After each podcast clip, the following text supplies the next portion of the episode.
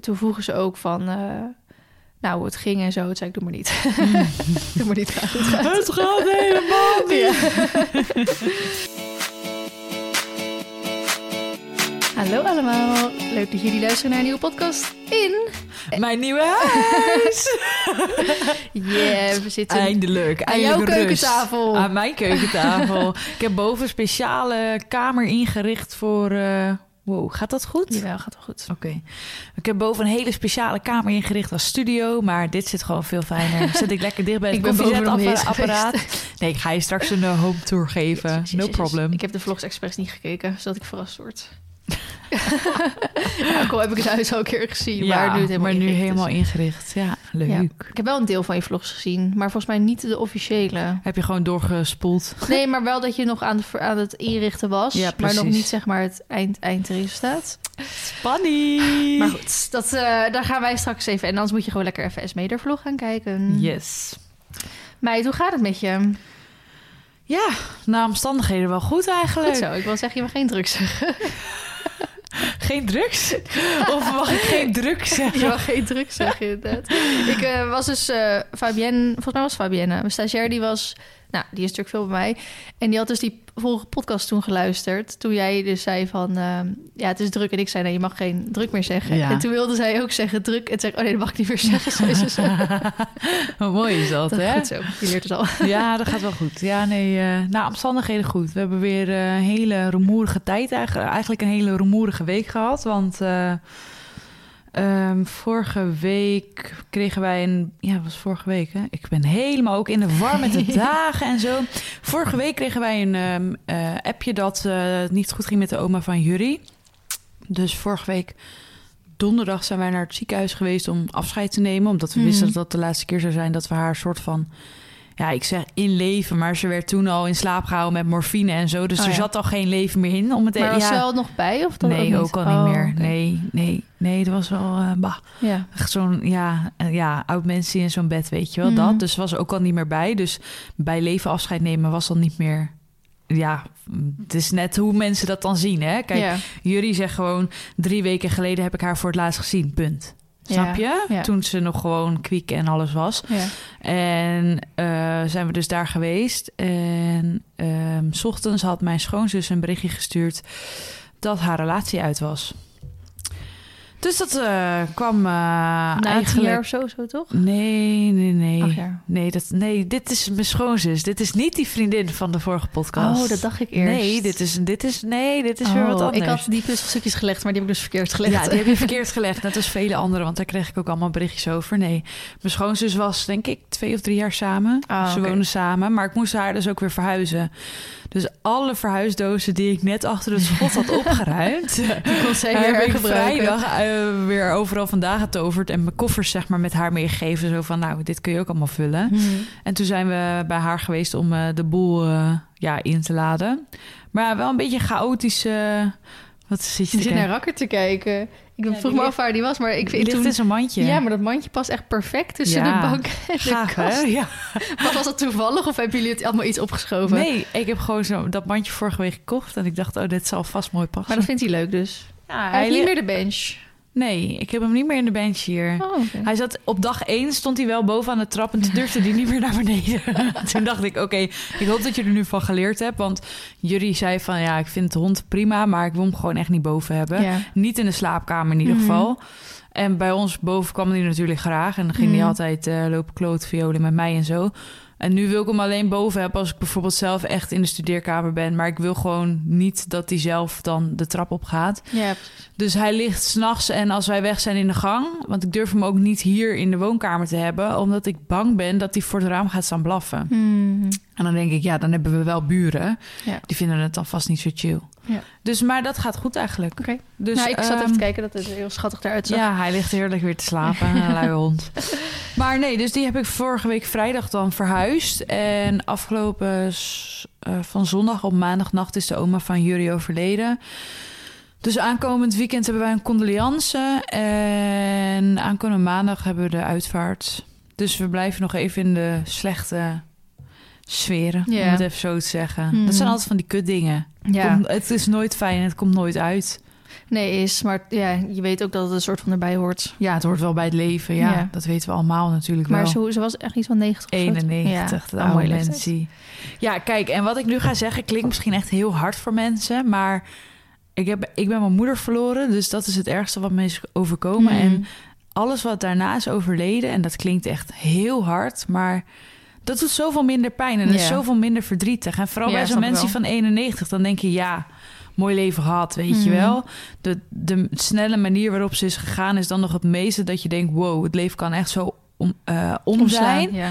Ehm, maar denk ik, ja, ze heeft 91 jaar super gezond geleefd. Is nooit bij de dokter geweest, weet je wel, dat soort dingen. Ja, het is toch hartstikke Altijd mooi dan. niks betaald. Ja, eigenlijk wel. En dan denk ik, ja, dan... ehm, ja, ik wil niet zeggen, dan gun ik dat zo iemand meer. Maar dan, is dat, dan heb je daar sneller vrede Ja, mee. Dan is het sneller oké. Ja, nee, dat En ik wel. zeg niet dat als jullie nu zou overlijden of zo... dat dat geen verdrietig is. Want dat is heel anders, snap Mm. je? Maar eh, zoals met een opa en oma of zo... die dan al wat ouder zijn... ja, dan denk ik wel van oké, het is oké. Ja. Dus ja, en het, wat ik zeg, het blijft verdrietig. En zondag en maandag zullen zeker verdrietige dagen worden. Maar dan is het... eh, ik denk dat je daarna wel een soort van oké ermee kan zijn. Hmm. Dat denk ik vooral. Ja. ja, dat denk ik ook wel. Dus dat, eh, dat was een beetje chaotisch eh, bij ons. Mhm. We hoeven niet, gelukkig niet veel, of tenminste gelukkig, we hoeven niet zoveel te regelen. Maar jullie gaf gisteren aan dat hij het eigenlijk wel gezellig vindt om de hele familie qua neefjes en nichtjes hier bij ons uit te nodigen. Mhm. Om meteen het huis te laten zien en om gewoon gezellig met z'n allen te eten hier. Toen zei ik, ja schat, als jij dat wil, tuurlijk weet je, dan gaan we dat gewoon regelen. Ja. Ja. Dus, eh, en gisteren, oh, echt zo schattig, gisteren... ehm, toen, zei, toen zei hij van, ja, zondag hebben we die condoleance en dan... eh, eh, is het wel gewenst als ik ook in de rij sta? Weet je wel, voor het condoleren. Ik zeg, nou, dat is toch helemaal prima. Toen zei hij, ja, ja, en eh, aanhangen, ja, mag er wel bij staan. Mhm. Toen zei ik, oké. Ik zeg, en toen zei hij, ja, dus je moet maar even kijken wat je wil. Ik zeg, nee, ik zeg, zo gaan we het niet spelen. wat wil jij? Ja. Ja, dat weet je toch wel, weet je Oh. zo. Zei ik, nou, spreek het maar uit, weet je wel. Ja, Ja. ik wil gewoon dat je erbij staat. Ah, ik zeg, nou, dan is de keuze toch gemaakt. Ja. Toen zei hij van nee, want je moet dit ook zelf eh, willen. Ik zeg ja, maar we zullen even terug naar het moment dat mijn moeder was overleden. Dat je eigenlijk geen keuze had om erbij te staan. Ja. Ja, ja, ja, daar heb je ook een punt. Ik zeg, dan is dit toch het minste wat ik voor jou kan doen. Ja. Want toen knuffelde hij me, toen dacht hij, oké, ja. dat was zo aandoenlijk. Wifey material. Ja, dat was echt zo schattig dat ik dacht, ja, hallo, eh, dit moet. Ja. Er is, er is niet eens een keuze, zeg Ja, maar, precies. in mijn optiek. Ja, ja, ja. Dus eh, ik ben benieuwd zondag. Ja. Het zal wel verdrietig worden, maar Ja, dat is tuurlijk. natuurlijk altijd. Dus ja. Ja, nou ja, goed. Ja, Fijn En, in ieder geval dat eh, jullie er zo mee omgaan. ja. Met jou? Jij bent jarig geweest. Ik ben jarig geweest, daar gaan we het zo wel over hebben. Ehm, ja, bij mij was ook chaos. Ja, ik wou zeggen, wil je het erover hebben? Of, eh, Nou, jawel. Maar meer natuurlijk dat er gewoon heel veel gebeurd is de afgelopen weken. Eh, we hebben natuurlijk twee weken geleden een podcast opgenomen... en toen zaten we midden in de verbouwingen, denk ik. ja. Was ik zit even mijn, thuis ik zit even mijn agenda te kijken, inderdaad. Wanneer we voor het laatst de podcast Ja, hebben op 7 opgenomen. februari. Oh, en er staat Esmee podcast hier. Ja, Dus ik ben bij dus- jou geweest. Ja, maar toen waren ze die week... eh, ja, de trek aan het leggen, volgens mij. Ja, want toen... ehm, ja, ja, dat klopt. En een week later is je, je hekwerk gedaan en de hovenier. Ja, ja. Want toen ik er was, hebben we eerst... eh, toen ben ik komen eten en toen was ik extra vroeg... zodat ik de trek kon zien. Hmm, Toen waren ze bijna klaar, nog een dag. ja. En toen zei jij, nou, ik weet niet of ze dat, ze dat gaan redden. en uiteindelijk was het eh, woensdag volgens mij af. Ja, ze zijn echt maar eigenlijk 2,5 dag bezig geweest. Bizar, hè? Gewoon goed mate- materiaal en gewoon Echt, goede mensen. En dan ben je er zo, Ja. eh, ben je er zo Short door. die zei nog van, als ik het met Shankje had moeten doen, was ik, was ik een maand bezig. Ik zo, een maand? Ik denk dat je een half jaar bezig was geweest. Ja. Dat slaat echt nergens op. Maar nee, dat was echt wel heel snel klaar allemaal. Mijn stem is trouwens een beetje, die valt af en toe een beetje weg. ik ben niet echt ziek, ziek of zo. Sorry, alvast Maar ook je hebt wel corona, bedankt. Ik hoop het niet voor je. Nee, ik moet zeggen, ik heb geen test gedaan. Ik vind het ook best wel een beetje onzin eigenlijk om nu nog te Mhm. testen. Ehm, maar toen ik wel corona had, een paar jaar geleden alweer, anders? voelde ik me echt wel anders. Maar ehm, ik had dan afgelopen weekend inderdaad mijn verjaardag. En eh Sietske en Thomas, die waren er toen. Sietske is de zus van Sjoerd. Mhm. En Thomas is dus haar vriend. Ehm, en Thomas, die zei al dat hij niet helemaal le- fit was. En maandag was Sjoerd zijn nicht. Die heet ook Anne. Ik heb echt zoveel Annes in mijn leven. Eh, met haar babytje van... Hij is van eind oktober volgens mij. Mhm. Dus nou, van vier, vijf maanden. Eh, die was ook niet goed. Want die... eh, of niet, niet goed. God. Die was ook niet lekker. Om even in de paardenbranche te blijven. Hij was niet goed. Hij niet meer had. Dus die was ook eh, verkouden en van alles. Maar die heb ik... Ik heb hem niet vastgehouden of zo. Maar ik heb wel echt op een meter afstand van hem natuurlijk gezeten. Ja. En ik heb Thomas ook niet eh, vastgehouden of zo. Die is in je armen gelegen. Eh, maar die heeft wel in ons huis geslapen. Ehm, dus wellicht heb ik het van een van hun, want ik zou niet Mm. weten. Ik heb, ja, ik heb niet echt per se tegenwoordig een reden om van mijn erf af te komen. Nee, jij hebt alles thuis. Klaar. Dus, eh, We moeten jou ehm, uit huis zuilen. ja, gewoon. precies. Omkopen. Dus eh, Fabienne, die komt natuurlijk met OV. En de eerste, nee, de tweede week dat ze bij mij kwam, ehm, was het streekvervoer aan het staken. Dus dan deed ik haar een paar keer ophalen. Maar deze week was weer het streekvervoer aan het staken. Alleen niet zeg maar heel de dag, maar gewoon dat er echt best wel veel uitviel. Dus Mhm. dan pakte ze gewoon elke keer die bus die dan niet uitviel. En ehm, ja, dan elke keer dan staat er plus 10 minuten vertraging of zo, weet je wel. Maar dan rijdt hij dus alsnog op tijd en dan miste ze hem net. En dan moest ze echt een uur wachten op de volgende bus. Dus ik zei, nou, eh, of dus ze zei, zei, kom alweer terug naar jouw huis, want ik ga ook niet 10 minuten bij die bushalte wachten. Dus toen dacht ik, nou, dan breng ik je wel gewoon naar het station toe. En toen zei ik ook tegen, ja, kom ik tenminste nog een keer van het erf af. Ja. Wat erg. Waar moet je dan heen naar het station? Eh, dieren. Want Oh, eh, ja. ja. je kan ook naar Apeldoorn gaan, Maar, maar... dat is verder voor jou, denk ik. Mm, dieren is volgens mij een kwartiertje, Apeldoorn 20 minuten. Dat valt Oh, ja. zich mee. Maar eh, dieren is echt één rechte lijn vanaf eh Loenen zo naar dieren toe. En eh, Apeldoorn, ja, dat, dat zit, zit wel echt in het centrum. Ja, dus dan is iets moeilijker om te komen. Alleen wat voor haar heel relaxed is, is zij woont in Breda. En er is echt één directe treinverbinding van Breda naar dieren. Dus ze hoeft zeg maar nooit over te stappen. Dat is wel echt zo Dus fijn. daarom is het voor haar veel fijner om over dieren te gaan. En dan Ja. normaal pakt ze dus de bus. En dan gaat ze kijken of ze misschien ook een fiets daar gaat neerzetten. Want Ja. het is een half uurtje fietsen of zo. Maar ja, het is, het is meer dan een half uur met de bus, want die natuurlijk overal stopt. Dus Ja. ehm, nou, wellicht pakt ze dan de fiets. Maar goed, dus ehm, nou goed, het is heel erg chaotisch geweest, omdat eh, nou gewoon al die verbouwingen thuis was natuurlijk zo'n chaos. Eh, en eigenlijk vooral die vrijdag, die laatste dag, omdat er toen acht man van Chivaldo over het erf liep Ja. om het nog even snel af te krijgen. Want eigenlijk kregen ze het gewoon niet af, omdat het, het was wel echt veel meer werk dan ze hadden verwacht. Mm. Ehm, omdat dit soort projecten natuurlijk niet heel vaak gedaan worden. Ehm, meestal leg je gewoon weilanden of paddocks of zo aan. En dan, dat doen ze natuurlijk al zoveel jaar, dus dan weten exact hoe lang dat allemaal duurt.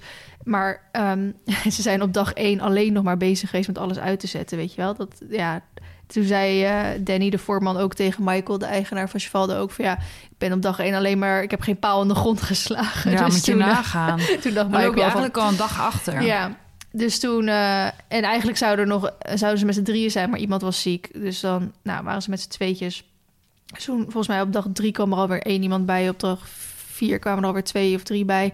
En op dag vijf liepen ze dus met z'n achter rond. En Bizar. was eh, Danny, die voorman, dus met vakantie al op die vrijdag. Dus hij was weg. Dus eh, Dylan, die er ook wel vanaf dag één al was, die moest het een soort van overnemen. Maar die had niet, die heeft niet met mij een rondje over het terrein gelopen, zoals Danny dat bijvoorbeeld heeft. Dus Mhm. hij had wel veel meegekregen van hem, maar ook niet alles exact. Dus moest nog best wel veel geschakeld worden. En eigenlijk zou Sjoerd op vrijdag zijn tweede paardrijles hebben. En ik dacht wel van ja, we zijn maar twee uurtjes weg. Maar je zag wel gewoon aan de chaos dat we niet eens twee uur weg konden. Omdat het gewoon zoveel was dat je even werd gevraagd van... joh, hoe zat dat ook alweer en hoe, waar moet dat komen, weet je wel. Mhm. Dus buiten dat er acht man van Givaldo liep... liep er ook nog vier man van de hovenier. Ja, oh mijn god. En echt iedereen kwam met megabusjes, met mega-aanhangers aan. Nou, we hebben best een leuk erf, maar niet zo groot. Oh. Dus dat moest helemaal logistiek ingedeeld worden. En ik stond daar 's ochtends echt zonder ontbijt... stond ik daar al twee uur lang eigenlijk een soort parkeerwachter te regelen. Wat bizar, hè? Dus, eh, nou, en ik was vooral eigenlijk een beetje bang of die hoveniers en Cheval elkaar niet in de weg gingen lopen. Mhm. Maar uiteindelijk ging dat eigenlijk best goed. Ehm, nou ja, dus het was qua gewoon wel wat er op het erf gebeurde vrij chaos. Maar ja, weet je, dat is het grote voordeel als je het door bedrijven laat doen die wel weten waarmee ze bezig Mhm. zijn. Dus je kan het. Je- Af en toe moet je ze even een beetje sturen, maar dat regelen ze eigenlijk allemaal gewoon zelf. Maar ja, toen bedachten we ook natuurlijk nog last minute van... oh ja, we zouden Olympus een as uitstrooien over... eh, Ik heb wel gelachen. Sorry hoor. maar- Oh, het is een beetje hard geworden. Met die- met die schop. In die doos. Ik kwam niet meer bij. Ja, het was een soort cement geworden, joh. Oh, echt. Echt. Ik heb zo Als je iemand hard ooit zijn paard hierover. laat cremeren, zorg dat je het echt op een goede plek, als je het Oh. niet gelijk kwijt kan, opslaat. Want wij hebben het gewoon in dat schuurtje gezet. Nou, dat is Ja. ook helemaal niet geïsoleerd of zo. Die vieze dikke spin ook over dat... Ja, Ja, gadverdamme. hé. Maar daar is natuurlijk gewoon een klein beetje vocht bij gekomen. Dus het is gewoon echt zo Oh, echt. geworden. Ik kwam niet meer bij. Echt waar. Dus wij moesten echt met zo'n schop erin rammen. Ja. Dus eh, ik zei al zo voor de grap, ja, ik ben hem nu aan het steken. Ja. Zei zo, Maar ook dat Nou je ja, langs vee. die boompjes liep en dat je zei... nou, hier ligt zijn hoofd, hier ligt zijn hals. er is een been, nog een been. Oh, oh, oh. Ja, maar kijk, dat, Ja, dat soort humor hou ik wel van. Het is allemaal verdrietig genoeg geweest. En het is allemaal... Nou, eh, en het, het, is ook, het is al twee jaar geleden. Hè? Ja. En eh, Nacho heeft een soort van zijn plek natuurlijk ook weer ingenomen. Ja. Dus het is echt al heel anders dan als, je, als ik dit anderhalf jaar geleden moest gaan doen. Dan Ja. zat ik daar misschien echt in zak en as. ja, letterlijk. Ja. maar wat ik gewoon heel lief vond. Kijk, ik vind het soms een beetje lastig om wat ik nu een beetje in de podcast moet vertellen. Want ik heb natuurlijk echt dagelijks lopen vloggen afgelopen Mm. weken. Dus ik, ja, som, voor mensen die de dagelijks vlogs hebben gekeken, is misschien een beetje herhaling soms. Maar wij hadden dat idee natuurlijk al heel lang. Eigenlijk sinds dat we het gekocht hadden. Van nou, als we dan bomen gaan planten, dan doen we daar Olympische as in. Ja, dat duurde natuurlijk tering lang, dus dat heeft ook heel lang gestaan. En toen waren dus die hoveniers bezig. En ik weet dan niet zo goed of een volger er me erop wees... of dat Sjoerd het zei, of dat ik zelf ermee kwam. Toen had ik zoiets, oh ja, dat wilde ik inderdaad toen doen. Dus toen liep ik zo naar die, eh, naar die, naar die hoveniers toe. En dat waren hele aardige gasten, want die... Een, een van de twee heeft toen die Grand Canyon bij ons al helemaal gesnoeid een keer. Ja. En die ander heeft volgens mij toen een keer die boomstam gebracht. Dus ik kende ze wel al. Het waren echt hele, ja, gewoon hele vrolijke jongens. Of, nou, jongens, dus de ene was 60 en de ander was, eh, weet ik veel, rond de 40 of zo. Ehm, en dus ik zei ook zo tegen hun, ja, ik heb een beetje een rare vraag, maar ik heb, een, eh, ik heb twee jaar geleden mijn paard ingeslapen en ik heb dat as nog liggen. En ik had eigenlijk het idee om dat in die bomen te doen. Dus zouden jullie dat ja, vervelend vinden of zo? Want ja, ik weet, misschien zitten ze er helemaal niet op te wachten, of weet ik het wel. Ja.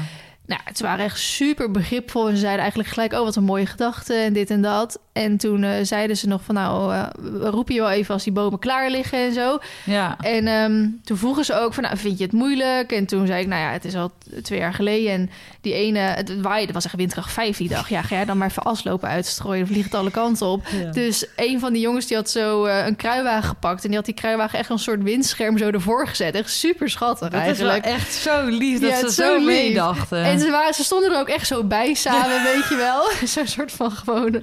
Herdenking. Ja, herdenking inderdaad. En toen zeiden we ook van, nou, weet je, het is al twee jaar geleden, dus eh, wel prima en zo. En toen zagen ze inderdaad dat het, dat het eigenlijk met zo'n schepje niet ging. Dus toen zeiden ja, heb je zo'n eh, zo'n schop nodig en... Ja, zo'n beetje meedenken. En toen eh, zeiden ze ook van ja, want het is toch eh, een dier, eh, een soort, een soort kind voor je. En Ja. ja, ik heb een keer mijn kat moeten laten inslapen. En dat Ja, vond ik toen ook. Ja, dat was zo. Ik had ook in de vlog gezet, alsof het in één keer jongetjes werden, weet je wel. Dat Vond is ik zo vaak zo hoor. Leuk dat je met van die soort van stoere mannen, die dan zo, ja, zo'n hovenier die met zijn handen zo mee helemaal aan het werk is, dat je dan in één keer over dat soort onderwerpen kon praten. En dat vond ik gewoon, dat vind, dat vind ik, daar kan ik gewoon heel erg van genieten. Ja, Dus ehm, en dan nou, heb je pluspunten gewoon ja, meteen. echt. Ja, dan sta je bij mij echt helemaal hoog gelijk. Dus ehm, nou, dat was eigenlijk super eh, fijn. En eh, die dag ervoor... Nou ja, eigenlijk natuurlijk een paar dagen ervoor op dinsdag was ik met Mar naar de kliniek geweest. Ja. Die heeft diagnose dunne zolen op röntgenfoto's. En eh, met een echo artrose in het SI gekregen. Mhm. Wel al wat forsere artrose, dus dat zit er wel echt al een hele tijd. Ik ben natuurlijk... ehm, nou, hij liep al sinds januari eigenlijk niet helemaal lekker. Maar Mhm. Een beetje op en af, dat je inderdaad je vinger er niet echt helemaal op kon leggen. Ja. Toen ik later ook ging googlen, toen ik zeg maar de diagnose al wist... Ja. toen ging ik zo googlen op SI-artrose... en toen stond er ook overal bij geeft vage klachten, weet je Ja. wel. Ik denk, ja, dat was ook exact wat er nu gaande was. Ehm, dus daar ben ik ehm, nou, naar de kliniek geweest en dat was er toen uitgekomen. En toen zei eigenlijk de, de dierarts die, me, die ons daar dus eh, eh. Hielp... die zei eigenlijk van, nou, als deze behandelingen aanslaan... dan nou, kan je er eigenlijk wel weer alles mee. Mhm. Dus daarom was ik ook best wel een soort van positief. Ook al, ja, Ja. forse artrose is natuurlijk niet eh, niks.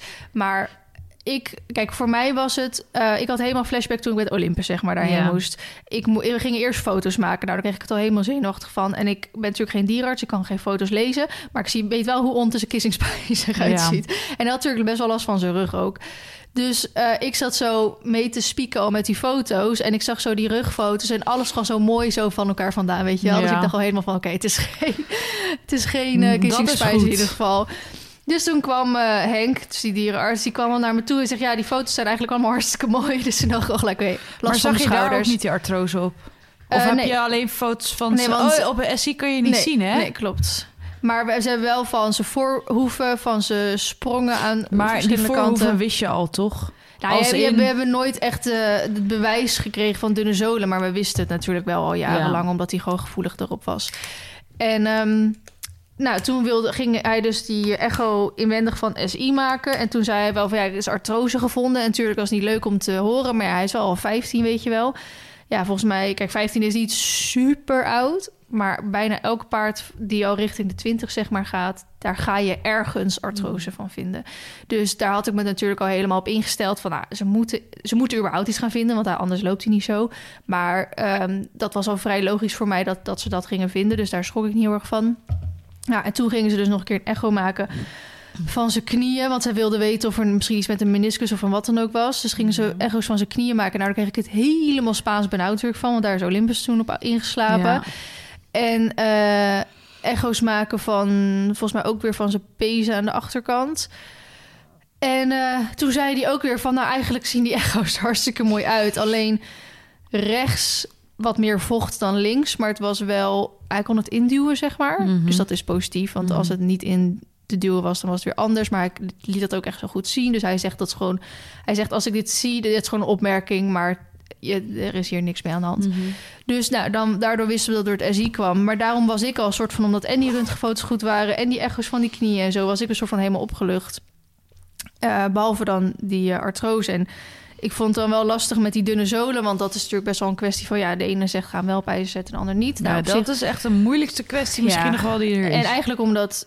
ehm, nou, ik heb wel echt veel... Ik heb dit natuurlijk ook allemaal in de vlog besproken... en echt wel heel veel mensen in de reacties die zeiden... nou, Feline, die van mij heeft ongeveer hetzelfde... of die heeft hetzelfde en die is er echt heel erg eh, gebaat bij... om dus die ijzers te hebben. Maar ik heb natuurlijk ook een natuurlijk bekapper... en die is Ja. natuurlijk er niet mee eens. Dus ik ga het wel met hem even binnenkort over hebben... en uiteindelijk blijf ik natuurlijk eh eindbeslisser. Waar gaat je voorkeur nu naar uit? Weet je dat wel? Nee, hij loopt goed. Als in, ook op die trek. Ja. die trek is verhard nu. Ja. En hij loopt hartstikke goed erop. Ik dacht eerst, Ja. hij gaat op eieren lopen straks. ja. Dus dat vind ik dan allemaal meevallen. Ja. Maar nu is het natuurlijk wel even afwachten. Gaan ze hoeven nu sneller afsluiten en dat ze aangroeien. Ja. En Ja. eh, ik heb niet de intentie om een 24-7 op eh hoefschoenen te zetten. Ik vind dat ook niet echt ja, paardwaardig, om het zo te noemen. Mhm. Eh, je hebt ook dingen zoals plakijzers en zo. Maar daar hoor ik ook wel veel mensen van... ja, als ze dan op zo'n verharde trek lopen... dan slijt dat ook snel of dan verliezen ze dat snel. En volgens mij is dat ook echt heel erg duur. En nou, daar zit ik ook niet helemaal op te wachten. En dan denk ik toch wel zoiets van... ja, ik ben nooit echt anti-ijzers geweest. Ik vind alleen wel zo vaak dat paarden veel te snel op ijzer worden gezet... terwijl het gewoon met goed bekappen ook gewoon goed kan. Ehm, maar dat ik dan wel zoiets heb van... ja, als al die, zeg maar, die dingen die heel veel moeite kosten heel simpel op te lossen zijn met eigenlijk een ijzer. Ja, waarom dan niet, weet je Mhm. wel? Dus eh, ik ga het eerst even met mijn natuurlijk kapper over hebben. En eh, want volgens mij heeft hij ook wel eens gezegd van... nou echt in hele uitzonderlijke gevallen heeft een paard echt wel meer bij, het, bij een ijzer. Maar ik denk niet dat dit voor hem daaronder valt. Maar daar ga ik even gewoon met hem over hebben. En anders, weet je, zit die ijzer er vrij snel onder... en is hij er ook weer vrij snel onder vandaan natuurlijk... als het eh, niet Ja. bevalt. Dus, ehm, ja, maar dan heb je wel de hoef... eh, ja, heb je wel, beschadigd. ja, precies. Maar goed, dan kan je misschien weer even een tijdje toch die hoef, hoefschoenen of Ja. eh, weet je wel, dat ja, is, eens. is ook wel weer op te lossen. Ehm, dus ik weet niet meer goed waar ik was met mijn verhaal, maar eh, nou goed, dus die arts zei dat eh, op eh Dat is wat maand of dinsdag. En op ehm, woensdagochtend werd ik gebeld door de arts die hem dus zeg maar maandag heeft bekeken bij Mireille toen, want ze stond natuurlijk bij Mireille op stal toen. En ons heeft doorverwezen eigenlijk naar Lingenhoeven. En eh, Linda heet zij, ja, dat heb ik volgens mij ook een keer in de vlog verteld. Dat kan ik net zo goed zeggen, anders is het heel erg moeilijk. Want die Mm. arts en die arts, ja, dan, kan je, dan raak je misschien een beetje in verwar, verwarring. Dus Linda heeft hem maandag gekeken, heeft hem doorverwezen naar Henk. En Henk die zei dus van, nou, als dit aanslaat, dan moet het allemaal weer goed komen. Maar moet zeggen, ik vond Henk wel vrij vaag. Hè? Elke keer als ik... Ik moest wel echt veel vragen stellen... Mhm. om dat antwoord soort van Te eruit te krijgen. Dus ik vond het wel een beetje moeilijk. Ik bleef nog wel met veel vragen zitten. Van, ik vond ook wel een beetje vaag van... nou, hoe gaat nou die opbouwfase dan zijn? Mhm. En, wat ehm, mag je wel en wat mag je niet? ja, precies. Dus toen eh, belde woensdag dus eh, Linda mij. En ik vertelde ook aan haar van ja, ik vond het een beetje vaag hoe, hoe Henk deed. En toen zei ze wel van ja, dat doet hij een soort van expres. Want eigenlijk altijd als ik hem, als ik iemand doorstuur naar Henk, dan neem ik het zeg maar daarna weer over. Dus Henk weet ook dat, dat hij een soort van vaag kan zijn, omdat zij het dan toch weer overneemt. Dus dat zal, dan gaat zij zeg maar het meer vertellen hoe en wat. Ehm, maar zij was eigenlijk, ja, ik eh, wil daar niet te diep op ingaan, maar heel erg pessimistisch. Ja. eh, vanuit haar ervaring dus ook. Eh, vanuit haar ervaring als dierenarts en revalidatie en als nee, chiropracteur zei volgens mij dat ze paarden met die problemen ziet eigenlijk een beetje afgeschreven zijn en dat, het, eh, eh, dat ze alleen nog maar licht recreatief werk kunnen gaan doen. Dus dat was voor mij, nou, ik heb echt anderhalf uur met haar aan de telefoon gehangen, want het was voor mij gewoon best wel een soort van omschakeling van de ene arts die mij die dag vertelt dat allemaal wel kan. En kijk, weet je, Mar die, is, die wordt 15 dit jaar. En ik had natuurlijk al gestopt met wedstrijden rijden Ja. met hem. En ik dacht nog, ik ga dit jaar proberen die winstpunten in de 90 centimeter te halen... omdat hij nog fit was. Nou, nu is hij Mhm. niet helemaal fit meer, maar... Dus dat is ook niet erg. Want ik dacht meer van, het kan nu nog. En ik ben nog niet fanatiek met Nacho aan het springen of zo. Ja. Dus laat ik dat dan met Mar lekker gaan doen. Maar voor de rest, eigenlijk maakt het natuurlijk geen zak uit. Want hij hoeft dat allemaal niet meer. Het is helemaal prima als we gewoon lekker buitenritten met hem kunnen doen. Lekker mennen. Af en toe een keer een sprongetje. Want eh, dat vindt hij zelf ook leuk, weet je wel. Mhm. Hij hoeft geen hindernissen van een meter meer te springen. Ehm, dus ik was het op zich... Vond ik het vooral heel heftig dat zeg maar zo twee artsen zulke tegenstrijdige dingen konden zeggen ja, binnen terwijl ze 24 uur tijd. heel erg collegiaal. eh, Ja, precies. Want ze zei ook van het is ja, niet alsof je bij twee verschillende klinieken bent Nee. geweest. Als in dit is een ze werken ook echt samenwerking. samen. Ja. En zij zei ook van ja, ik ben meer gespecialiseerd in biomechanica en dit en dat. Zo ik denk ja, maar Henk is volgens mij echt een van de beste dierenartsen van Nederland, zeg maar. ja, maar het verschilt zo erg met wat ze zeggen. Ja, Nou, dat Dus- is wel echt zonde hoor. En dat maakt je dan zo onzeker. ja dus ik was daar echt wel heel erg van geschrokken. Dus eh, natuurlijk ook eh, janken, janken, janken. Ja. En ik oh, heb ook daarna echt uh, gelijk een spraakmemo naar iedereen gestuurd. Want ik ben natuurlijk altijd van iedereen op de hoogte houden en zo. Nou, daar kon ik natuurlijk ook niet droog houden. Dus ook iedereen die vond het natuurlijk super erg daarna. En nou, ik heb natuurlijk niet alleen zeg maar vriendinnen en fa- familie dat gestuurd, maar ik heb ook mijn eigen osteopaat dat gestuurd, alle twee, want ik heb er een soort van twee waar ik een beetje tussen afwissel. Ehm, en die zeiden eigenlijk allebei van ja, ik vind dit eigenlijk niet, niet waar wat ze zegt. Mhm. Ehm, sowieso vanuit de diagnose die Henk stelt, kan je eigenlijk dit niet zeggen. Daarbij op de manier hoe ze het zegt, eh, vonden ze eigenlijk ook vrij heftig dat ze mij op die manier zo. Ja, kijk, zij, kijk, tuurlijk, hè, zij is een soort van. Dat is natuurlijk verschil bij mensen hoe je iets brengt. De ene die zegt dat misschien wat harder, en dan de Mhm. ander die, die probeert dat heel voorzichtig te brengen. Ehm, maar ze zeiden wel van ja, de, hoe overstuur jij een soort van nu bent, vind ik ja, dat Vrij heftig. vrij heftig inderdaad. Dus daar heb ik toen ook best wel mee gebeld en geappt en zo. eh, wat zij ervan vonden. En zij gaven Marley eigenlijk vanuit hun. En nu wil ik even zeggen dat ik heb geen eh, diploma bij een pakje boter gekregen, die, eh, osteopaat. Ik heb wel Mm. gewoon echt mensen die, die Ja. daar echt opleidingen voor gevolgd hebben en ook echt wel goed en zo. Ehm, dus ja, dat vind ik dan lastig dat de mensen die mijn paarden kennen, zeg maar, die ze ook echt langer al kennen, dat dan weer zeggen. Mhm. Dus dat, ik werd Maar- helemaal gek van die tegenstrijdige... Voor mij kwam het ook over alsof zij zeg maar vertelde dat eh Marley dan al jaren pijn heeft gehad. Ja, maar dat zou me ook niet per se verbazen. Want hij geeft natuurlijk wel echt al een paar jaar aan. Als je dan gaat terugdenken. Kijk, eerst nam je dat misschien voor lief. Of dan dacht je, nou oké, dat, dat hoort bij hem. Of weet je wel, net zoals eh, in het set liepen wij natuurlijk heel erg aan tegen die galop-stap-overgang. Ja, dat hebben we natuurlijk al zo erg zitten trainen. En dat, dat ja, verbeterde een klein beetje, maar heeft het nooit goed gekund. Ja, dat komt dus gewoon puur omdat hij dat niet kon. Omdat hij niet goed kon zitten op die achterkant, omdat die artrose daar zat. Of bijvoorbeeld, ehm, ik kan Marley niet met een harde magic brush over zijn rug heen borstelen, want dan doet het een pijn. Hm. Dus ik dacht altijd, ja, hij heeft gewoon een gevoelige rug. En hij kan dat gewoon niet. En eh, weet je wel, dus je neemt al een soort van best wel veel dingetjes voor lief Omdat je denkt, oh, dat, ja, dat Ja, hoort bij hem of zo. Denk je echt dat als hij heel veel pijn had gehad, dat hij dan alles voor jou had gedaan? Nee, dus da- zoals die dat denk ik zetpunten dus en niet. zo. Dat, Nou, dat denk ik dus niet. Omdat je hem wel altijd een soort van... eh, dat zeggen ze ook als je ze... Ik heb er wel altijd elk half jaar een osteopaat bij. En ik heb er wel ook eh, goed passende zadels bij. En ik heb dat. En zo is wel hoe je zo'n paard met die klachten gewoon pijnvrij kan onderhouden. Mhm. Dus het kan zijn dat hij het niet kon, dat hij het moeilijk vond. Of ja, of, of, of hij dan echt pijn had. Dat durf ik niet te zeggen. Mhm. Ehm, maar ik denk wel dat, dat hij wel pijn kreeg op het moment dat ik toen in januari eh, misschien eh, heel veel weer gingen springen natuurlijk. Mhm. En ehm, ik hem waarschijnlijk te zwaar belast heb met de menwagen. Want we gingen toen met z'n vieren weg. Eh, wat eigenlijk al zijn max is. Eh, dat wist ik. Ehm, maar daarom bleven we ook alleen op het harde. eh, Mhm. zodat het niet zwaar was voor hem. Maar toen moesten we dus, omdat het gevroren had... moesten we een bepaalde route nemen... die dus echt heel snel omhoog liep. En ehm, ik zag aan hem dat hij dat moeilijk had. Maar ik dacht gewoon, ja, hij vindt het gewoon zwaar als in conditie, weet je wel. Mhm. Ja, waarschijnlijk was het zwaar omdat hij dat dus gewoon niet kon trekken vanuit dat SI. Dus en vanaf toen heeft hij kreupel gelopen. Dus ik, dat is gewoon voor mij dus de druppel Ja, die de emmer deed overlopen. Dus eigenlijk daarvoor heeft hij dus alles gewoon blij kunnen doen. Dus ik denk als je nu ehm, weer behandelt ehm, dat die pijn zeg maar weg is en je hem dus niet meer zo zwaar belast, Mhm. dat het dan wel moet kunnen zeg maar. Ja. En nou, ja, die mensen om mij heen zijn het daar ook wel mee eens. Dus toen eh, nou, kwam dus op donderdag Chevaldo, eh, zeg maar, Michael en Sharon kwamen daarheen. En eh, toen vroegen ze ook van, nou, hoe het ging en zo. Toen zei ik, doe maar niet. doe maar niet, gaat goed. Gaat. Het gaat helemaal niet.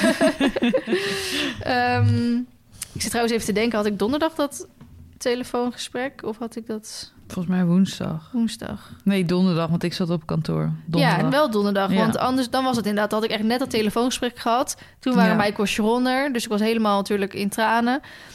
En even dan vermannen voor hun. En eh, toen dan willen ze vragen hoe het gaat. Dus ik zeg, doe maar even niet vragen hoe het gaat. Ehm, nou, en eigenlijk tot de dag eh, nou, van gisteren bij van, dus dat is bijna twee weken al...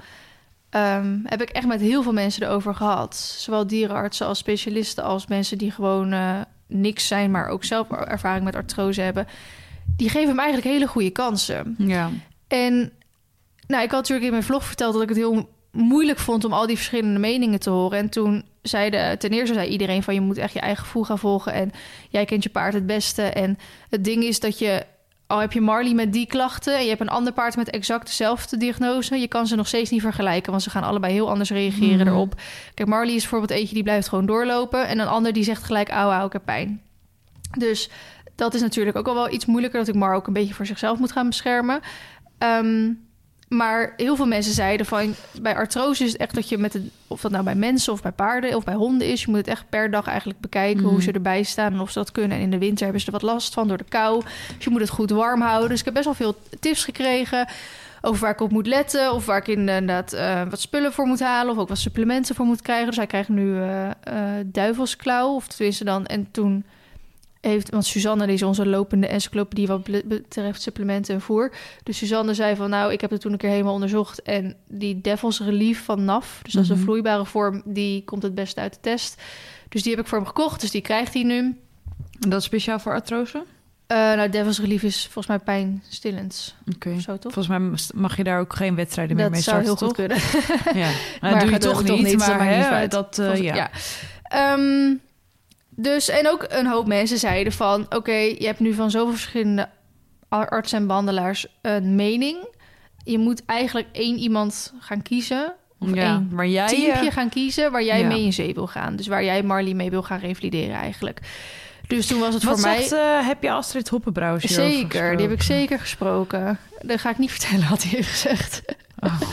Maar die is het eens met mijn keuze, laat ik het zo zeggen. Eh, En nou ja, zij heeft natuurlijk een... Ik vind eh, haar namelijk altijd ja, echt fantastisch. ik ook. Vandaar Ik- dat ik, ik, er naar ik vraag vertrouw hoor. haar blind. Ik Ja. ken haar verder helemaal niet, behalve van jou en natuurlijk eh, van de periode dat Olympus beleerd werd. Wat Ja. zij natuurlijk samen met toen Gert, heeft gedaan. Ja. En uh, ja, ik vind Astrid heel kundig. Ja, absoluut. Maar zij werkt ook... Ze heeft zo bizar veel kennis. Ze heeft ook een eigen revalidatiecentrum. En ze ja. zoveel uh, dierenartsen. En ze heeft natuurlijk zoveel ook... Uh, ja, zij heeft een revalidatiecentrum. Dus ze komt ook met heel veel dierenartsen en behandelingen in contact. Ja. Of het nou voor haar eigen paard is die over de snelweg heeft gerend. Ja. Of een oudje of een wat dan ook. Dus ze weet gewoon zoveel. En zij zegt eigenlijk ook van nou, ik ken Marlene wel langer dan vandaag. En uh, ik denk dat het ook wel goed komt, weet je wel. En ze zegt ook Henk is hartstikke goed en nou, bla bla. Um, dus ik, dus heel veel mensen zeiden nou, kies dan één arts uit of één behandelaar uit die waar je dus uh, ja, dat mee wil gaan doen. Ja. Dus ik heb Henk gekozen. Dat weet hij zelf niet, maakt ook niet uit. Henk, ik kies jou. en uh, mijn eigen osteopaat, die uh, um, dus op het moment ook behandelt... omdat hij gewoon heel veel groeit en heel veel in zijn lichaam gebeurt. Dus die wil ik ook wat vaker hebben. En ook even een klein side storytje. Toen zij de eerste keer bij hem kwam in november... toen had hij echt wel op tien verschillende plekken... zeg maar, als een, een aan, uh, opmerking. En toen was er de vorige week... en toen was er echt nog maar drie plekken, weet je wel. Dus Gaat echt was goed. ook echt wel heel fijn Ja. om te merken. Um, maar zij kent Henk ook heel goed... Uh, dus zij staat zeg maar ook achter Henk zijn diagnose. Um, zij is de vrouw van mijn natuurlijk bekapper. Dus dat is natuurlijk ook Mooi een team makkelijk. dan, zeg maar. Dus die kennen elkaar ook goed.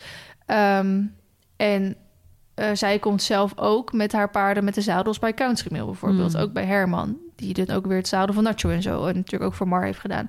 Dus zo vind ik gewoon dat dat een fijn team is. Omdat het allemaal elkaar kent en dan met allemaal elkaar, met elkaar samenwerkt. En allemaal eigenlijk dezelfde ook meningen hebben.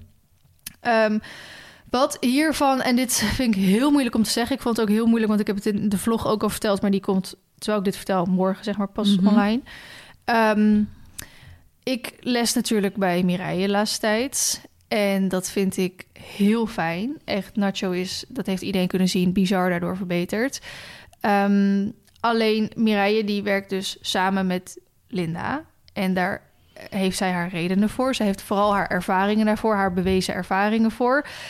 Um, en zij wil eigenlijk de goedkeuring van Linda hebben om weer met Marley te kunnen trainen op een gegeven moment.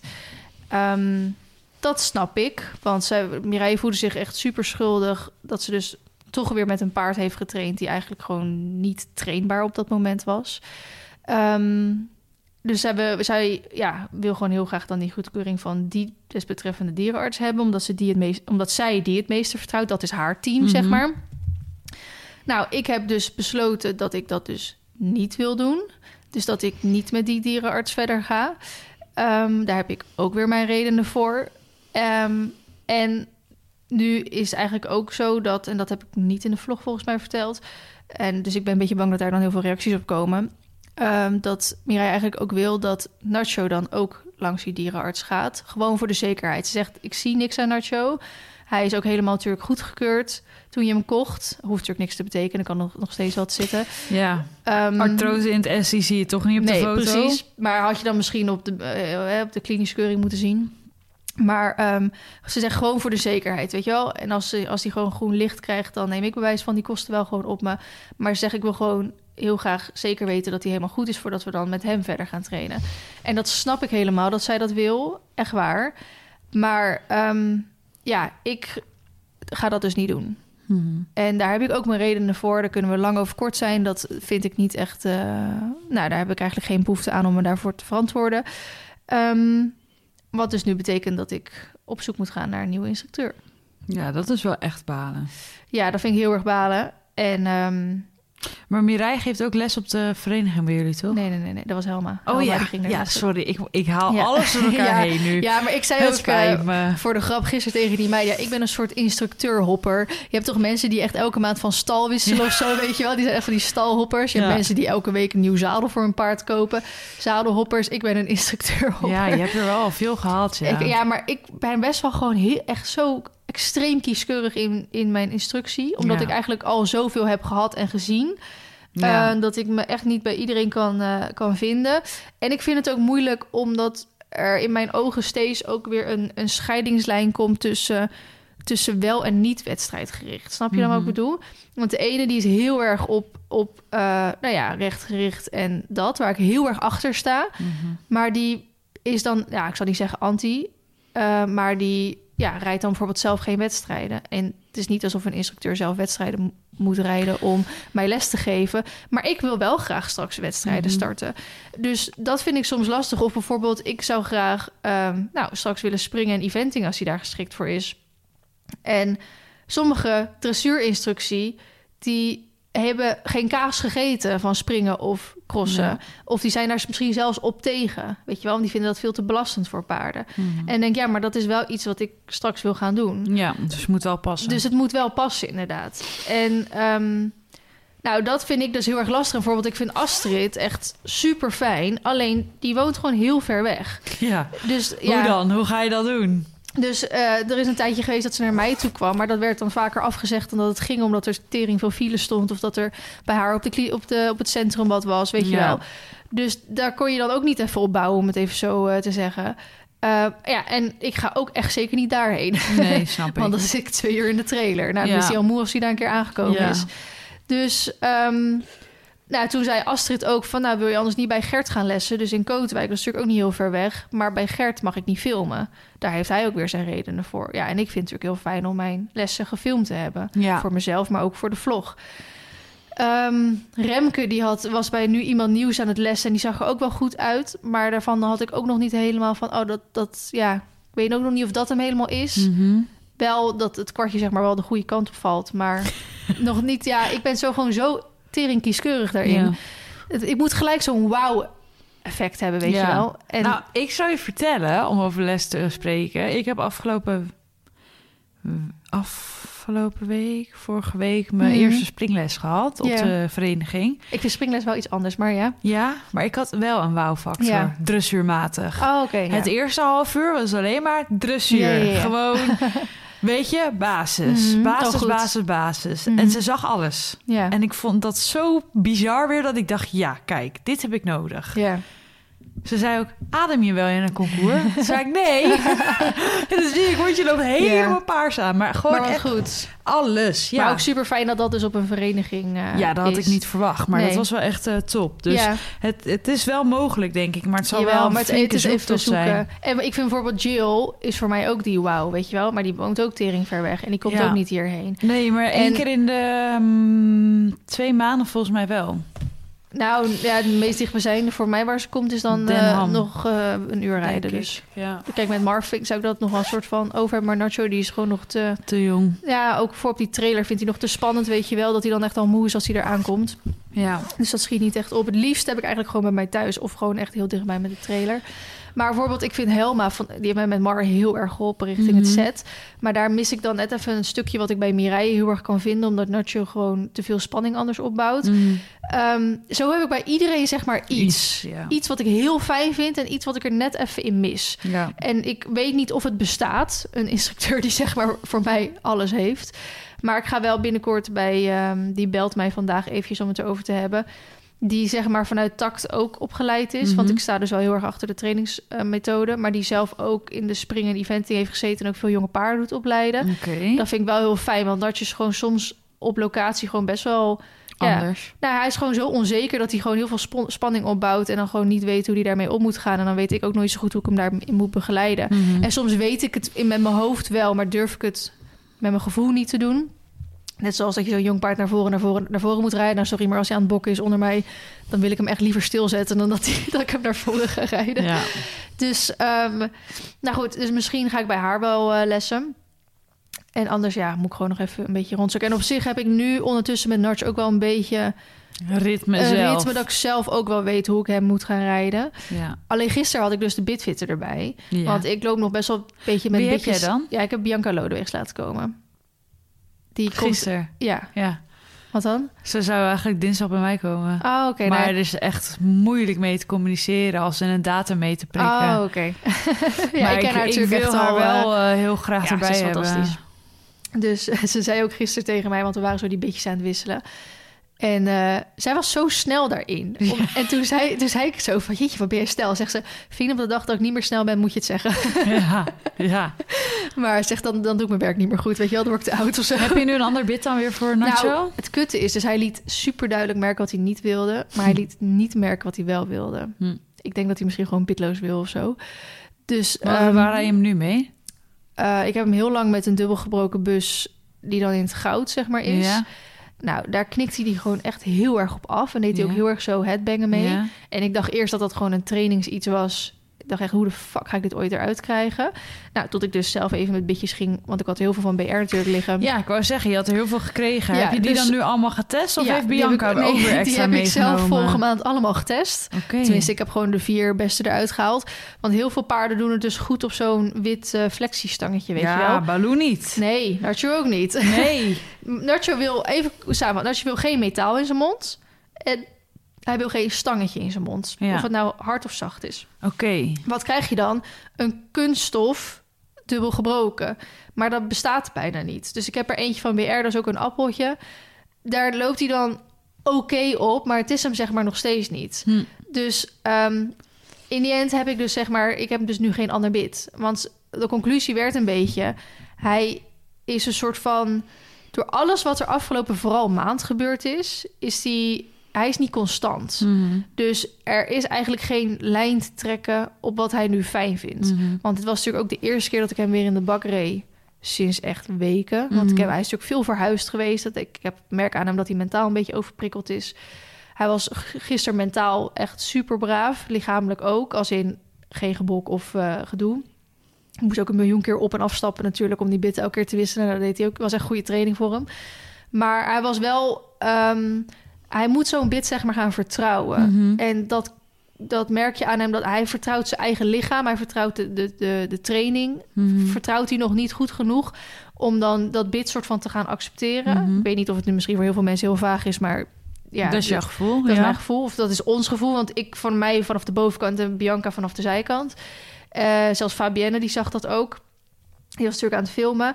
Ehm, dus ja, ze zegt van... eh, je rij hem eerst eventjes door op het bit... waar, die, waar je hem nu gewoon mee hebt lopen. Ja, Tot en je- dan kijken we over een maand Tot je vanuit de, de training zeg maar weer wat zekerder samen bent. Wat Ja. meer vertrouwd samen bent. Er is gewoon een hoop... Er is eigenlijk gewoon te veel gebeurd afgelopen maanden Ja, om ook dit nog te wisselen. om ook dit nog voor hem te gaan wisselen. Daarvoor is hij gewoon nog niet steady genoeg Mhm. in zijn hoofd vooral eigenlijk.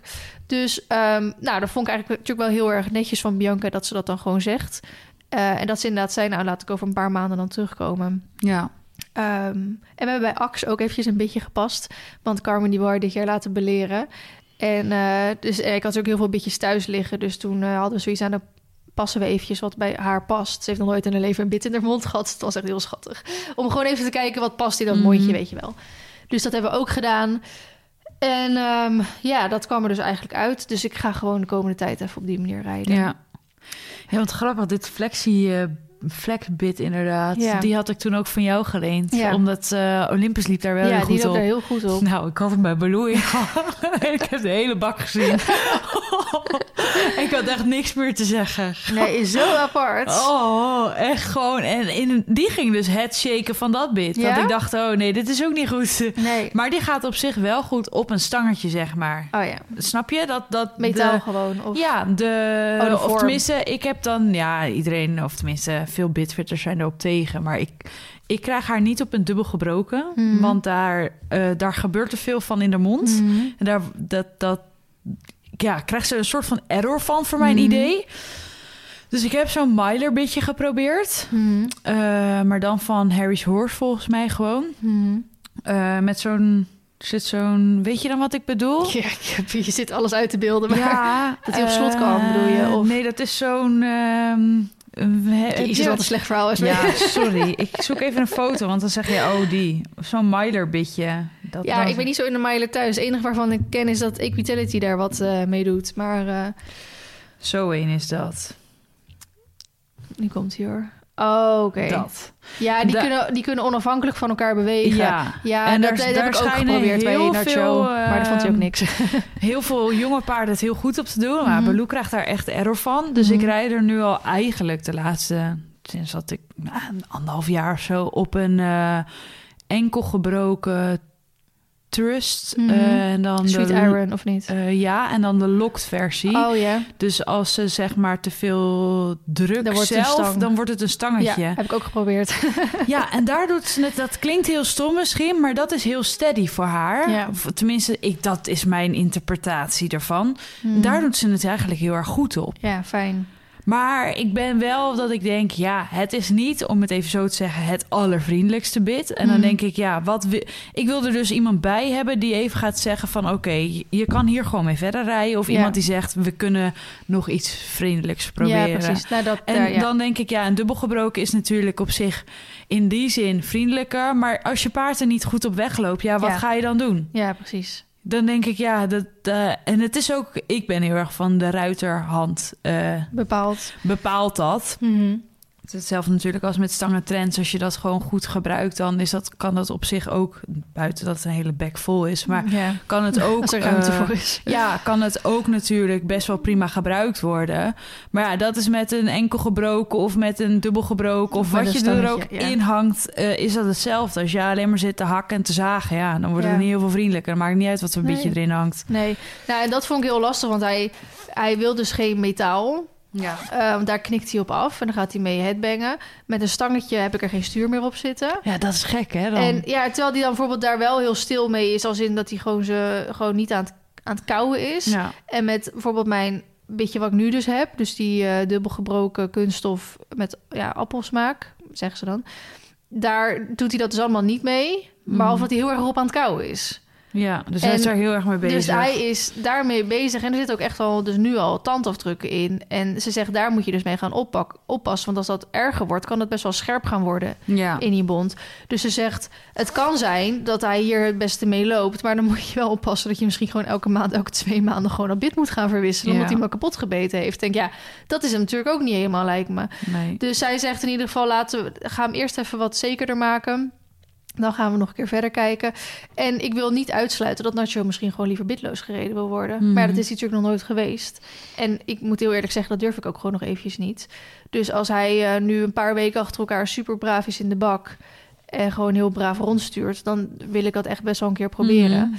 Ehm, maar kijk, in de bak vind ik bijvoorbeeld alweer iets anders op buitenrit. Maar dat is ook zo paardafhankelijk. Want Baloo is volgens mij best wel goed te sturen, bitloos toch? Ja. Marley dus absoluut niet. Nee, dat weet ik nog. Maar die, als hij doorheeft dat hij bitloos is, dan gaat hij eh, aan de kletter. Terwijl hij dat, als ik met Ja. een bitje heb, hoef ik echt met mijn pink één ophouding te maken en hij staat stil. Ja. Dus, Maar Dat- eh dat zit in Baloo is mijn in de bak ook heel goed op bitloos. maar ben je ook, jij bent ook als buitenrit Ja, ja, ja, ja. Dan doet ze toch ook gewoon alles? Ja, dan doet ze ook gewoon alles. Nou, en dat, dat is dus... dat vind ik het belangrijkste buitenrit. Dat ik in ieder geval Ja, een dat je een stop rem heb. hebt. Ja, dat, dat zit er gewoon prima op. En in de bak loopt ze er echt wel lekker mee weg. Nou, daarom... Dus ik wissel het ook wel eens af. Niet te vaak, want dan krijgt ze daar ook weer error van. Ja, snap ik. Maar zo nu en dan pak ik dat wel eens even mee. Ja. Ik vind Nou, het ook en ik- belangrijk dat ze echt alles leert eigenlijk. Ja, nou, en ik vind het dus belangrijk dat ik hem ook die keuze ga geven. Dat hij kan aangeven of hij dat wel of niet fijn vindt. ja. Maar omdat met mijn ene paard dat dus helemaal niet gaat. Ja, heb je daar al een beetje Heb ik- slechte ervaring Precies. mee? En ehm, terwijl dat met anderen... Ik ken genoeg paarden die knettergek zijn... En die Ja. echt op, op bitloos met de pinken te rijden zijn, Ja. weet je wel? Dus dat is gewoon puur mijn eigen ervaring... die ik dan ga reflecteren op Nacho, wat natuurlijk Mm. niet eerlijk is. Maar daarvoor moet ik gewoon eerst even... Zeker er zelf Zeker, ja, worden. precies. Ja. Of misschien zet ik wel een keer eh, Wesley bitloos op en Ja. dan ga je dat gaan doen. Spring maar even een meterparcoursje rond. Dus ehm, nou, voor Lars is het gewoon belangrijk om even weer wat ritme te krijgen. En dan, eh, want ja, als ik nu weer op zoek ga naar een nieuwe instructeur en dan ga weer naar een nieuwe locatie met de trailer, weet je wel, dan, dan draagt dat niet bij aan het ehm, ritme krijgen. Mhm. Dus ik wil hem even een beetje de tijd geven komende tijd. Ja. Dus eh, nou, dat betreft mijn paarden in ieder geval. Ik heb dus met, eh, met mijn osteopaat gisteren eh, overlegd van... nou, ik heb ook jou gekozen om ehm, nou, Mar verder te gaan begeleiden. En toen zei ze ook van... nou, laten we dan van, de, van binnenkort eventjes een plan gaan maken. We gaan dan wel echt soort van heel nauw samenwerken... want zij gaat dan een soort van de revalidatie begeleiden. Ik ben eigenlijk gewoon revalidatietrainer, om het dan zo Mhm. te zeggen. Maar zij gaat dat dus nauw begeleiden. En ze zegt, hou wel rekening aan met een periode van vijf à zes maanden. Hm. En dat is prima, want die tijd hebben we natuurlijk gewoon. Eh, maar ik ben in ieder geval fijn dat ik die keuze heb gemaakt. Maar ik vind het dus jammer dat... eh, ja, goed. En Ja, ik- dat je team uit elkaar gevallen is. ja, maar ik vind het heel lastig omdat ik wil die keuzes respecteren en ik wil en zij hebben ook gewoon hun hun ehm, Redenen. redenen daarvoor. Ja. Maar ik vind het dan een Wel beetje jammer. nou ja, misschien. ten eerste vind ik het jammer, maar ik vind het ook heel moeilijk, want ik leg alles vast op camera. Dus ik moet ook eigenlijk dit soort dingen vertellen op camera. En dat is soms een beetje het lastige eraan. Ik vind het heel leuk en fijn om mijn lessen te filmen. Ik ben ook altijd heel dankbaar dat dat mag. Ehm, mensen vinden het ook altijd heel erg leuk om te zien. Maar op het moment dat je dan stopt bij een instructeur en je gaat weer naar de volgende, ja, dan moet je dat ook een soort van vertellen waarom dat is. En dat kan soms een beetje een vage reden zijn. En dat vind ik dan lastig om te vertellen, want je wil niet dat iemand in een kwaad dag- daglicht wordt gezegd. Want Ja. dat is absoluut gewoon niet eh, de bedoeling natuurlijk. nee. En ook zeker niet het geval inderdaad. Dus dat, ehm, ja, wat betreft de paarden in ieder geval. Nou, Ehm, verder? Wil jij verder of zou ik? eh? Nou, ik zit even in mijn agendatje te kijken, want die was vrij leeg. Ik ben ehm, op les geweest en ik ben thuis geweest en ik ben op jouw verjaardag geweest. En ik denk dat we daar even op voor gaan borduren. Op Ja? jouw verjaardag, ja. ja, ik want deed het dus, huis zat vol. mijn Ja, hemel. ik deed dus op 18 februari op zaterdag mijn verjaardag vieren, want ik was de 21ste jarig. Maar Shorty ging de 20ste weer naar zee. Een dag voor mijn verjaardag. Ja. Dus dat was erg jammer. En ehm, ik heb wel zoiets, ik wil het eigenlijk alleen vieren als hij eh, Er is. er is. Want het is gewoon een hoop geregel en gedoe. En Ja, ik kan je mooi helpen met opruimen. Precies. en ehm, alles eh, klaarmaken en zo. Dus ik had een... eh, ja, ik had eigenlijk van tevoren best wel wat mensen uitgenodigd. Want Sjoerd vroeg ook, ja, wie ga je dan uitnodigen? Dus ik zei, ja, alleen Inner Circle. Maar bij mij oprecht... Ik heb best wel een grote Inner Circle. Dat ging even mis. ik had een lijstje Inner Circle gemaakt. En eigenlijk is die heel groot. Dus er zit gewoon 20 man in. En ik heb een, een, een lijstje Outer. Circle. Oh. Nee, ou- outer, outer Circle. Of de tweede, tweede ring, zeg maar. Mhm. En daar zaten er dan bijvoorbeeld eh, zes in of zo. Ja, maar bij jouw inner circle zit er ook nog een soort van veel verschil in. Ja, je hebt echt mensen waar ik echt die ik elke week slash dag spreek. Ja. En mensen die ik eh, niet elke week met dag spreek, maar als ik ze zie, het dan wel weer helemaal als van ouds is. Ja. En, maar, Ja, en, en precies. daar wil ik eigenlijk ook weer een soort van geen onderscheid in maken. Want ik Nee. vind een verjaardag dan wel zo'n plek om. Ja, dit die is dan- ook helemaal inderdaad. Maar als ik jou vraag, noem vijf vriendinnen... eh, of ja, noem vijf Ja, maar ik kan- hele innige vriendinnen op... Dan, dan, is, heb ik, dan denk ik wel van poeder. En, eh, als ik dan die hele groep daar zag, dacht ik jeetje. Maar zou jij dan daaruit kunnen kiezen wie mijn vijf beste vriendinnen zijn? Uit die groep. Dat denk ik wel. Ja? Ja, Zeg maar. Ik. ja. Ik. Nee. Ik, ik, ik, ik en ik. ik. Eh, Anissa. Ja. Eh, Maar die spreek ik soms ook drie maanden niet. Ja, maar dat is wel jouw vriendin van vroeger. Ja. En dat is, dat is, dat doet, dat, dat, Dat is anders. Dat, is zo anders. Ja, dat denk ik wel, ja. Mhm. Dat vind ik bijvoorbeeld heel wat anders dan de meiden van YouTube, weet je. Ja, ja, Even zo ik. gezegd. Ja. Die zou ik dan niet bij die vijf zetten. Dat Ik klinkt dus- misschien ja. heel lullig, Nee, maar ik snap exact wat je bedoelt. ik maar denk dat, dat is dus... dat dan- die, die, die spreek je wel iedere die spreek dag. echt iedere dag maar inderdaad. Anissa is gewoon de harde kern. Voor Ja. mijn idee, voor jou. Ja. Snap je? Ja. Eh, ik denk Anne. Maar dat vind ik lastig, omdat... eh, Anne luistert dit, want ik moet deze podcast editen. Jij bent natuurlijk wel een soort van de baas van Anne, ook nog. Maar ik zie Anne wel als een hele... Ja. En de- bij, bij Anne, en dat is dus exact wat je nu ook zegt. Anne die werkt voor mij, maar ze is ook echt een hele goede vriendin van mij. ja, dus dat is dan best dat wel lastig zie ik ook wel dan in die eh, inner circle, zeg Ja. maar. Eh, wie hebben we nog meer? Ik zit even hard Heb je überhaupt iedereen gezien? Nou, ik kwam dus als een van de laatste binnen zoals ik Hmm. dat hoorde. Want eh, wij hadden eh, smiddags tussen twee en vijf kon een monteur van T-Mobile hier komen om de wifi en alles aan te sluiten. Ja, dat kon ik niet verzetten natuurlijk. Want Nee. ik dacht, ja, kut, sorry, anders zit ik weer een week zonder en ik kan Mhm. dan niet werken hier. Maar die was er uiteindelijk pas om half vijf, kwart voor vijf. Nou, voordat hij weg was. En toen zei jullie, ja, dan eten we wel hier. Want het is net zo makkelijk. Kan ik ook nog Mhm. even rustig douchen. Dus wij waren om, nou, ik vond het nog, alsnog niet laat. Acht uur of zo bij jou. Maar het hele huis zat vol. En ik dacht echt, holy fuck. Wat veel mensen. Ja. Maar terug naar de inner circle. Want ik zit ondertussen natuurlijk na te denken. Ik vind het heel lastig. Carmen, die hoort er ook denk ik wel bij. Ja. Ja. Ja, dan zit je al op vier eigenlijk. En Noek eigenlijk ook wel.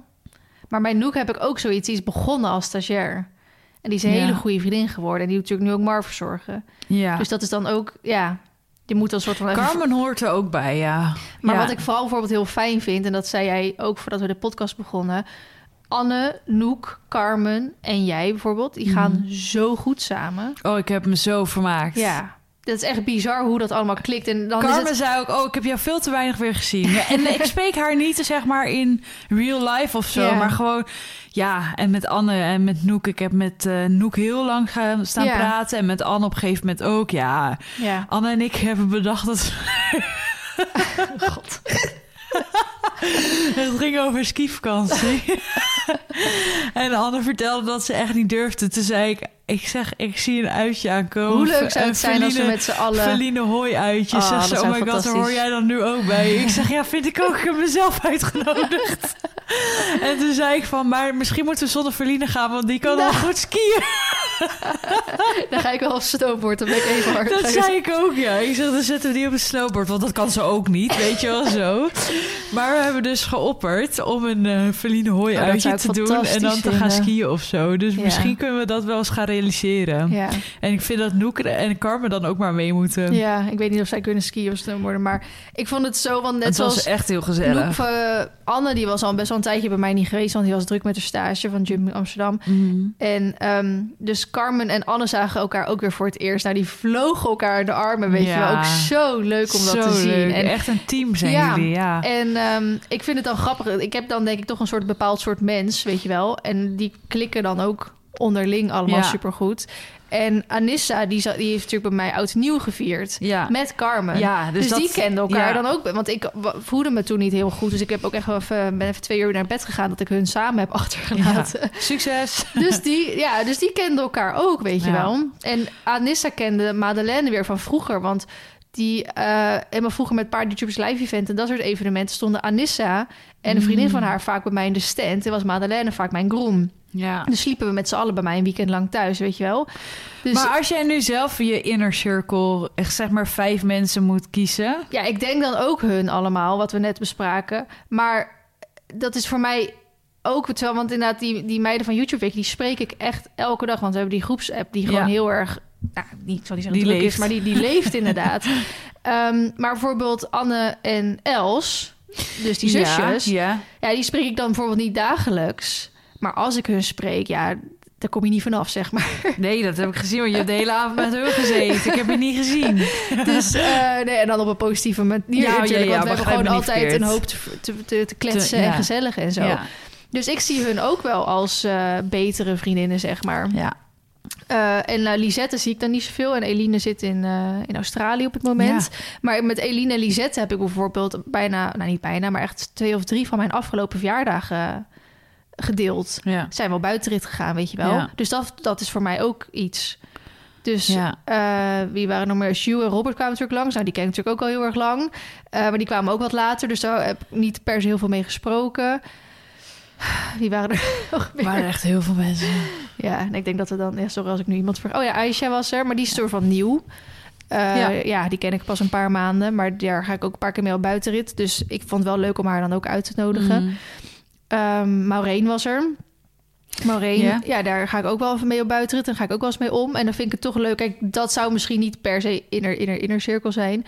Maar ik vond het wel leuk om hun ook Ja, tuurlijk. uit te nodigen, ja. natuurlijk. Eh, maar ik moet zeggen dat er ook nog wel een paar dan op mijn lijstje stonden waarvan ik had zoiets als als er nou heel veel mensen afzeggen, dan ga Ja. ik hun ook nog uitnodigen. Maar ik had, omdat ik natuurlijk ook had gezegd dat plus één welkom was. Ja, dat was, ja, als ik eh, al twintig man uitnodig ja. en drie kwart daarvan neemt nog een plus één mee. Moet je nagaan straks hoe dat met je bruiloft gaat zijn. Ja. Hoe ga je dat doen? Ja, ik wil gewoon geen limiet op eigenlijk gasten. Waarschijnlijk moet het budget wel ergens gelimiteerd zijn. Ja. Mag wel een hele goede wedding planner hebben dan. Ja. Die een beetje de vinger in de pap houdt. Ja. Maar goed, Oh, oh, dus oh. mijn plan was eigenlijk om dus een groepje vanaf vijf uur al te laten komen. die dan eventueel mee zou eten en daarna... Hup, nou, de mocht- deur uit ja, zou gaan. En daarna zeg maar de, de avondgroep te verwelkomen. Maar eigenlijk kwam iedereen, behalve jij en Jury en eh Sjoe en Robert... Ja. kwamen tussen vijf en zes. Ja, en nogmaals, ik was die natuurlijk die week mee. ook eh, daarvoor al bij jou geweest. Dus Ja. ik had natuurlijk alles al gezien. Als in, nou, dat, niet in real life dat Nee. dat eh, hekwerk en zo stond. Maar ik wist wel helemaal hoe de plannen waren. Dus ik dacht van, ja, kut hé. Ja, moet ik dan nu zonder jullie gaan? En ik dacht, nou, dat wil ik ook niet. Ik kom wel s'avonds. Ja. Dus Maar ik- vond het wel- Eh, ik heb eigenlijk nog nooit zo'n grote verjaardag gevierd. Dus ik had ook niet verwacht dat, ehm, dat ik zo weinig tijd voor iedereen zou Mhm. hebben. Maar ik hoor wel echt van iedereen als ze net vroegen van... nou, hoe was je verjaardag? Ik zei ja, superleuk. Maar ik heb echt heel weinig mensen gesproken. En dat iedereen zei ja, dat, dat hoort. Ja, Dat, is heel- normaal. dat is normaal op dat soort verjaardagen, Ja. weet je. Maar wat ik vooral echt het aller, allerleukste vond... is dat in het begin waren een beetje die groepjes, weet je Mhm. wel... van mensen die elkaar kenden. Die gingen dan bij elkaar staan. Maar er waren ook best wel wat mensen die, die gewoon niemand kenden. Zoals een Aisha of een Maureen. Of dus die kennen wel van, van Instagram. Of een beetje zo via via. Mhm. Maar niet eh, nou, super close of zo. En op een gegeven moment was ik dus met eh, Anne en Els en Jasmijn en Karin aan het praten. Dus dat is ook al een, een vrij gemengd groepje.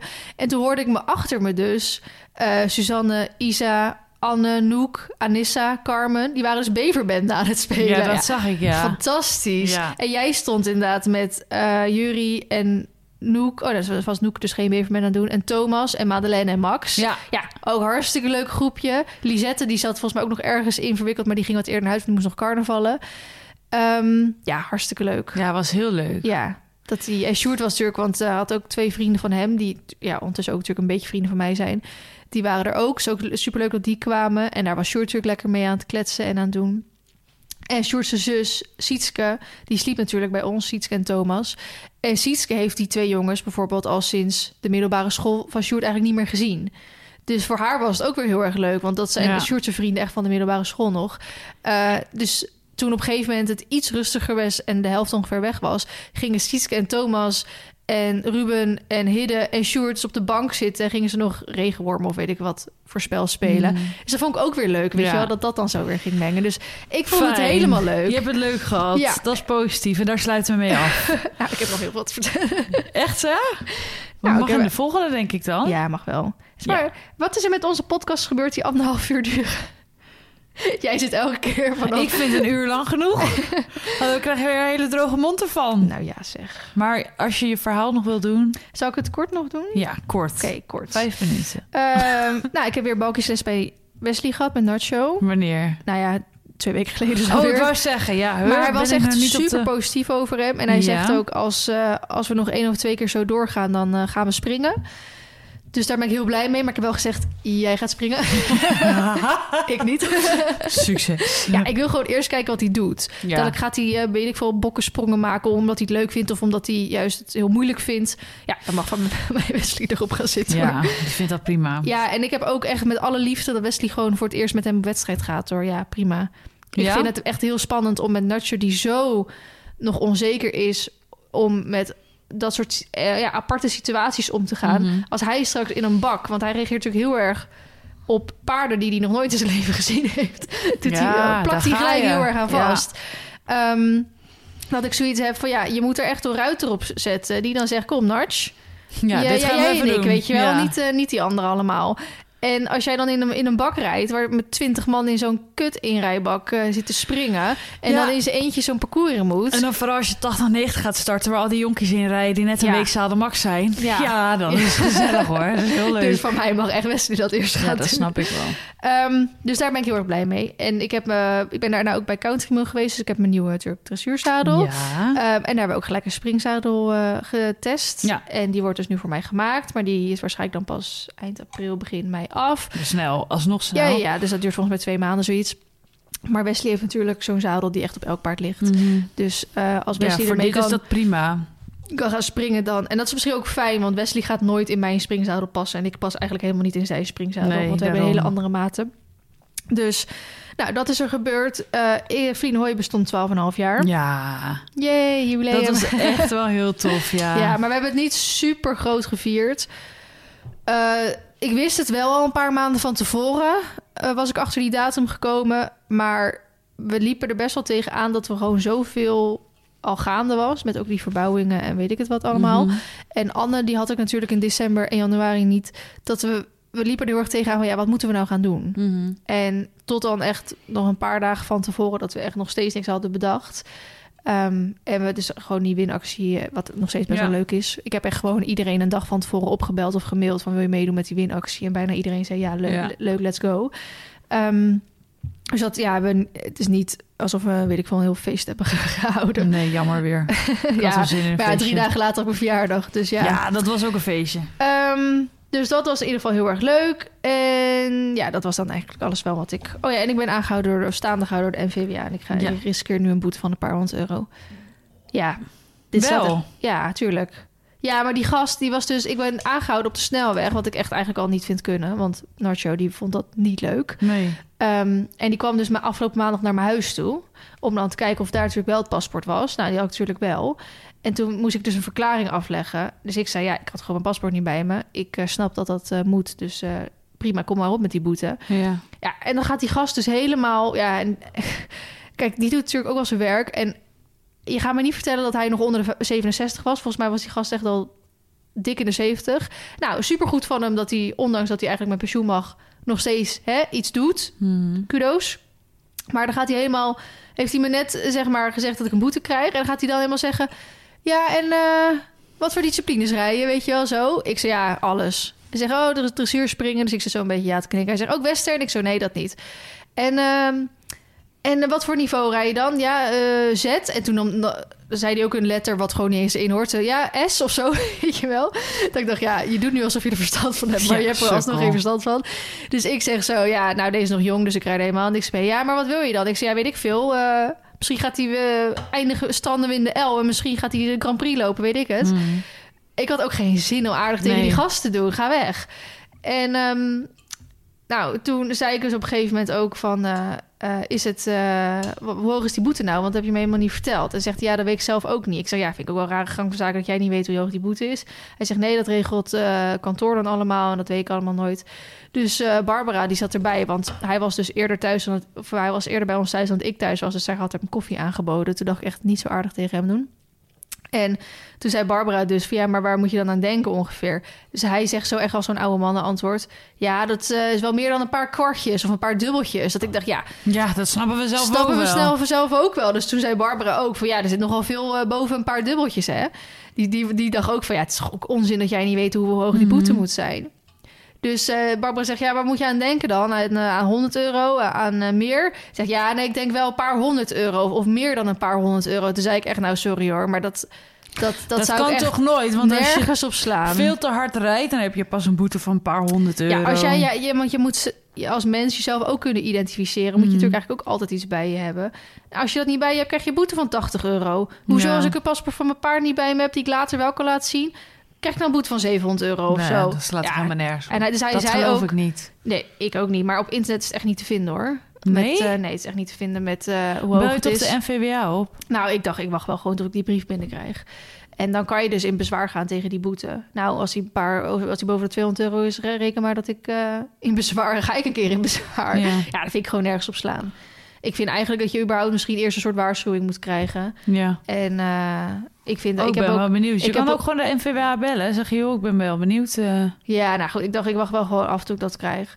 En ik heb wel tegen hem gezegd in mijn verklaring... van ja, ik vind het eigenlijk niet echt kunnen... dat jullie eh, op de snelweg paard met trailer aanhouden... want je weet gewoon niet wat er in die trailer staat. nee. Ja, Nacho liep daarna echt niet meer die trailer op, hoor. Die vond het echt niet meer leuk op die trailer. Terwijl hij eindelijk, eindelijk liep hij weer, weet je wel. Dus eh, die stond daar echt met volle stress eh, op het tankstation. En weet je, als dat met Mar was gebeurd, was niet zoveel aan de hand. Maar eh, ja, kijk, en ik snap ook wel, die, die gasten rijden door heel Nederland heen... en hij kent ook niet elk tankstation uit zijn hoofd. Dus ik zei, ja, nou, dan hou je toch lekker iemand aan, niet op de snelweg of zo. Ja. Ga je toch lekker ergens anders iemand aanhouden. Dus dat heb ik wel gezegd. En ik weet niet of hij dat heeft opgenomen. Maar mocht ik in bezwaar gaan, dan ga ik dat er ook nog bij zeggen. Hm. Dus wordt vervolgd, want ik weet nog niet hoe hoog die boete gaat worden. Heel raar. Ja, Raar maar dat was alles wat ik te vertellen had. Nou, dan gaan we bij deze de vlog... We, we hebben eh, helemaal- de, vlog afsluiten. Wow. We hebben helemaal geen irritatie of struggle. eh. Nee, die bewaar ik voor de volgende, want dan ga ik even lekker struggelen. Oh, echt? Ja. Spanning. Nou, mijn Ja. irritatie was dat mijn paard eh artrose heeft. nee, ik weet niet. Ik heb genoeg... Of dat ik door de NVWA werd aangehouden. Ja. Dat je niet weet hoe hoog de boete is. Ja, precies. Oké, tot volgende week. Doei!